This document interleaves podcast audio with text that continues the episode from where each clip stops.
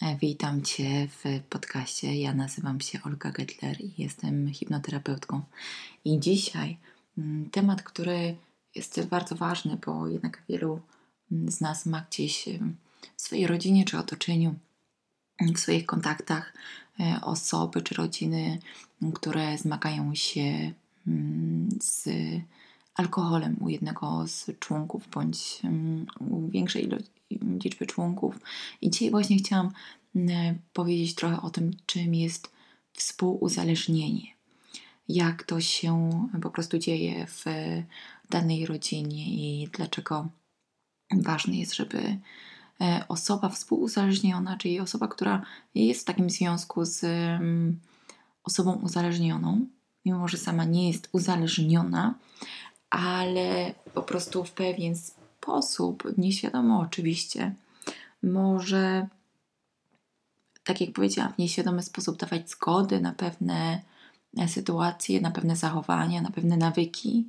I mm, często warto jest, żeby ta osoba też właśnie nie tylko mamy tak, zazwyczaj mamy tak, e, że okej, okay, to ta osoba jest uzależniona, ona ma problem, powiedzmy tak, z alkoholem, czy e, z narkotykami, czy z hazardem to ona powinna pójść na terapię, to ona powinna coś zrobić, to z nią coś jest nie tak. Mm, ale często tak bywa, że osoba współuzależniona potrzebuje wsparcia terapeutycznego. I teraz e, dlaczego? Może opiszmy najpierw, e, jak, jak to wygląda współuzależnienie, jak funkcjonuje taka rodzina, jak wygląda w takiej rodzinie co, codzienność. Więc e, wiąże się to z tym, że w takiej rodzinie panuje dużo napięcia, dużo e, stresu, dużo takiego zagrożenia. Dzieci mają często strach, żeby zaprosić swoich znajomych, kolegów, koleżanki, bo nigdy nie wiedzą, a jak ten tata dzisiaj wróci z pracy, w jakim stanie, tak? Na przykład, jeżeli mówimy tutaj o alkoholizmie taty. A co mnie czeka w domu, tak? A czy tam będzie po prostu chaos i bałagan, czy mogę spontanicznie przejść z kolegą do domu po zajęciach lekcyjnych. Więc to jest takie ciągłe napięcie, ciągłe zagrożenie, ciągłe takie poczucie niestabilizacji, chaosu, taki brak przewidywalności, a jak dobrze wiemy, to przewidywalność codzienności, taka rutyna, jakieś takie po prostu rozdzielenie obowiązków, że wiemy, ok, no, no kuchnia będzie posprzątana, o tej o tej godzinie rodzice wracają do domu z pracy, o tej o tej godzinie się kończy szkoła, ja mam swoje obowiązki, ty masz swoje obowiązki i po prostu działamy razem, żeby ta rodzina dobrze funkcjonowała, żeby każdy e, mógł powiedzieć, jak się czuje, mógł wyrażać swoje emocje bez bycia ośmieszanym, wyśmieszanym, zawstydzanym, e, żeby po prostu e, każdy się tam w miarę dobrze czuł. Ale jak jest ten brak przewidywalności, e, to to właśnie tworzy takie ciągłe napięcie, ciągłe stresy, ciągłe sytuacje. Ach, nie tylko w relacjach takich socjalnych, tak, że jak ktoś przyjdzie, czy jak ktoś mnie odwiedzi i w ogóle będzie wstyd. Nie tylko takie tego typu zawstydzanie. Dzieci często się martwią, a co jak ten tata albo ta mama przyjdzie do szkoły, albo odbierze mnie w takim stanie ze szkoły, albo jak spotkam go gdzieś w parku bawiąc się z, ze znajomymi, ale będzie wstyd, więc to jest takie ogromne poczucie wstydu, które jest mm, wciskane w to dziecko już po prostu od małego i, to dziecko często w dorosłe życie idzie z tym bagażem ogromnego wstydu. Co jeszcze? No, potrzeby dzieci w rodzinach z uzależnieniem no, nie są zaspokajane, tak? Rzadko kiedy, bo po prostu brakuje czasu, brakuje energii, brakuje przestrzeni, żeby potrzeby dzieci, szczególnie te emocjonalne, ja nie mówię już o takich potrzebach dachu nad głową, jedzenia, i o takich po prostu ekstremalnych przypadkach, gdzie nawet tego brakuje, ale mówię tutaj o ważnych potrzebach emocjonalnych. Jako dzieci mamy cztery podstawowe potrzeby emocjonalne, e, i to jest poczucie bezpieczeństwa, poczucie tego, że jest się kochanym, poczucie tego, że jest się chronionym i poczucie tego, że, że się liczy, że jest się istotnym, że jest się ważnym. E, I ciężko, jeżeli rodzic jest alkoholikiem, czy to dobrze postawionym, dobrze zarabiającym alkoholikiem, czy takim alkoholikiem, który zmaga się z utrzymaniem pracy, to tak samo to dotyczy i wpływa mocno i głęboko na dziecko. Są rodziny, gdzie te pieniądze są i te potrzeby materialne są zaspokojone, mm, ale dzieci czują się, e, czują to zimno, ten chłód, ten, tą emocjonalną pustkę. I e, często w dorosłym życiu po prostu mają problemy z wyrażaniem swoich emocji, z budowaniem szczęśliwych, spełnionych związków, bo nie nauczyły się tego w domu, nie otrzymały tego po prostu w dzieciństwie i idą z takim poczuciem pustki w dorosłość. A mm, do tego y, często pojawiają się też y, w dorosłym życiu różne komplikacje typu ataki, ataki paniki, ataki, y, jakieś nieuzasadnione lęki, bo ten lęk, który gdzieś został właśnie w dzieciństwie mm, wy, nauczony, czy po prostu no, no był częścią tego, tej codzienności, on każdy lęk zostawia czy taki powtarzający się strach, nie wiem, przypuśćmy, rodzice się kłócą, tak, bo, bo jest e, to uzależnienie. Rodzice się kłócą i to dziecko słyszy regularnie te kłótnie, krzyki. Po prostu to jest, to jest e, wystrzał takich hormonów do mózgu, E, które powodują właśnie albo takie poczucie zamrożenia, albo poczucie, że ja muszę uciekać. No i to często w dorosłym życiu właśnie się odbija na atakach paniki. Mimo, że tego alkoholu już nie ma, mimo, że ta sytuacja już jest zażegnana, ktoś wyszedł z tego domu, tak, zbudował swój dom, który jest bezpieczny, w którym, w którym jest dobrze, w którym nie ma uzależnień, ale gdzieś po prostu ten mózg się nauczył takich reakcji. Ciało się nauczyło po prostu tak reagować. Ale dzisiaj, dzisiaj o współuzależnieniu. I co to jest ten syndrom współuzależnienia?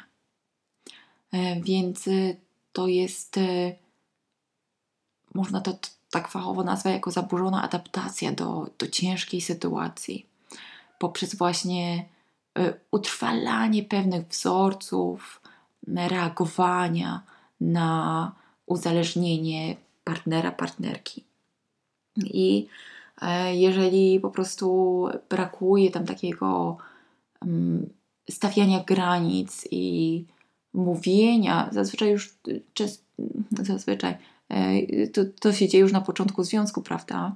E, więc takie konsekwentne mówienie, co mi nie pasuje, szczególnie jak ta osoba jest trzeźwa, takie konsekwentne pokazywanie, że nie, że, że to nie ta droga, i że to, co się dzieje, to nie jest ok.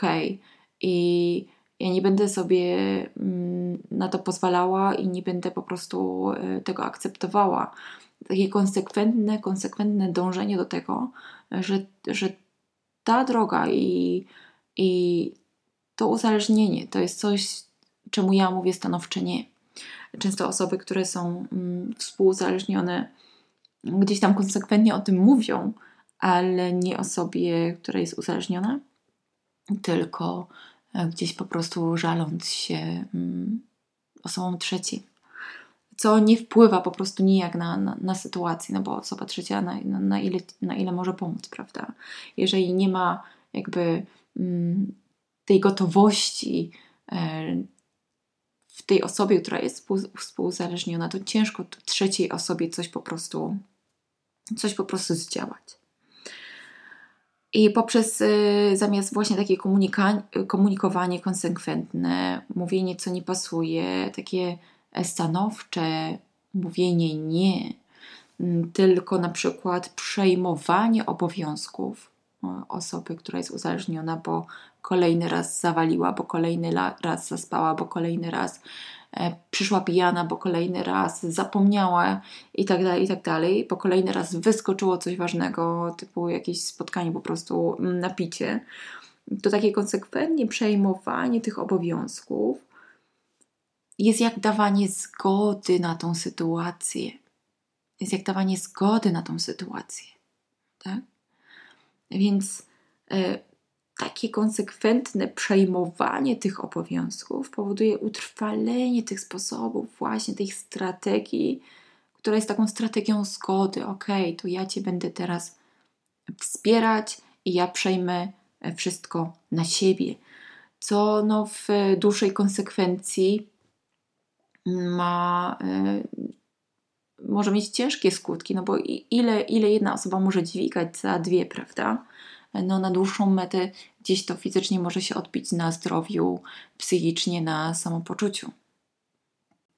Inną rzeczą jest, że osoby współzależnione, które szukają wyjścia z sytuacji, mogą zacząć um, przyjmować um, nawyki osoby uzależnionej, tak? Bo na przykład jest to alkoholizm taki e, bardzo imprezowy, że okej, okay, no jest zawsze towarzystwo, towarzystwo wiadomo, zawsze takie, które też lubi pić i ta osoba jest wciągana po prostu, często jest e, za pomocą takich wyśmiewania, zawstydzania, no to coś będziesz izolować, co nie będziesz z nami, co nie będziesz tutaj tak, co, co mamy gości nie zapraszać.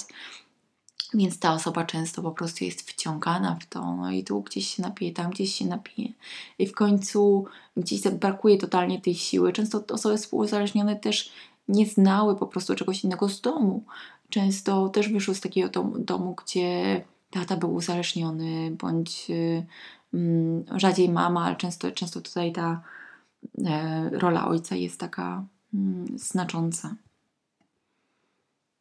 I te sytuacje są o tyle mm, trudne, bo to jest po prostu jak takie mm, koło zamknięte, ciężko po prostu coś zrobić, bo osoba, która jest współuzależniona, ma takie mm, wręcz pod, podświadomy, mocny strach, że jak będzie jakaś zmiana e, i coś po prostu przerwie nagle to, to, to, to koło tych zachowań, tak? czyli E, te przejmowanie obowiązków i to robienie wszystkiego, żeby ta rodzina jakoś w miarę normalnie funkcjonowała i żeby jakaś tam równowaga była. I podtrzymuje to często nieświadomie, podtrzymuje, podtrzymuje, podtrzymuje to koło, bo e, jakaś zmiana, jakaś wyrwa w tym mm, powoduje, że czy jest odczytywana, czy jest po prostu rozumiana jako zagrożenie, nawet zmiana na dobre, nawet zmiana, która by, by mogła coś wprowadzić korzystnego, jest odczytywana jako zagrożenie. I absolutnie nie chodzi tutaj o to, żeby mm, oskarżać osobę współuzależnioną, że to jest jej wina. Absolutnie nie. To nie jest wina osoby współuzależnionej. Absolutnie nie. Chodzi o pokazanie pewnego mechanizmu psychologicznego, jak to funkcjonuje, jak to po prostu się zapętla. Tak? Dodatkowo wchodzi tutaj taki mechanizm zaprzeczania, że osoby, które żyją w takich związkach, czy wyszły z takich rodzin, gdzie to uzależnienie było, często zaprzeczają. No przecież to jest normalne, no przecież to jest normalna rodzina, no przecież każdy trochę pije, tak? No przecież jest weekend, czy tam jest piątek, tak? Więc y, tu jest mocny mechanizm zaprzeczania i to zarówno u osoby uzależnionej, jak i u osoby współuzależnionej. No, jakby ta, to się staje taką normą, że mm, wszystko inne jest po prostu dziwne. No i do tego przechodzą jeszcze sytuacje, kiedy mm, partner nie pije, tak? Kiedy partner mówi, ok, już koniec, e, zrywa kontakty z osobami, z, z którymi pił, jest koniec, już teraz nie pije, już teraz jest wszystko ok e, i bierze się po prostu do pracy, bierze się za swoje obowiązki, to trwa jakiś czas. I osoba współuzależniona znowu ma tyle w sobie nadziei, tak mocną nadzieję, że to już teraz, tak, to już teraz, mimo że ten moment, że, że ta sytuacja powtarza się już po raz setny, to jest teraz ten moment, to teraz po prostu będzie dobrze, to teraz już na pewno się ułoży. Więc w takich relacjach pojawia się dużo iluzji, dużo takich złudnych nadziei mm, w miejscu, gdzie naprawdę jest potrzebna pomoc, terapeuty, psychoterapeuty, który pomoże osobie zarówno uzależnionej, jak i osobie współuzależnionej wyjść z tego błędnego koła. Jeżeli masz jakieś do tego pytania albo masz jakieś wyglądy, z którymi byś się chciała podzielić, to zapraszam do kontaktu, zarówno przez maila, jak i przez e, stronę internetową. Znajdziesz mnie na stronie www.olgagetler, pisane przez 2t getler.com. Zapraszam na bezpłatne konsultacje i życzę Ci wszystkiego dobrego i dużo, dużo siły.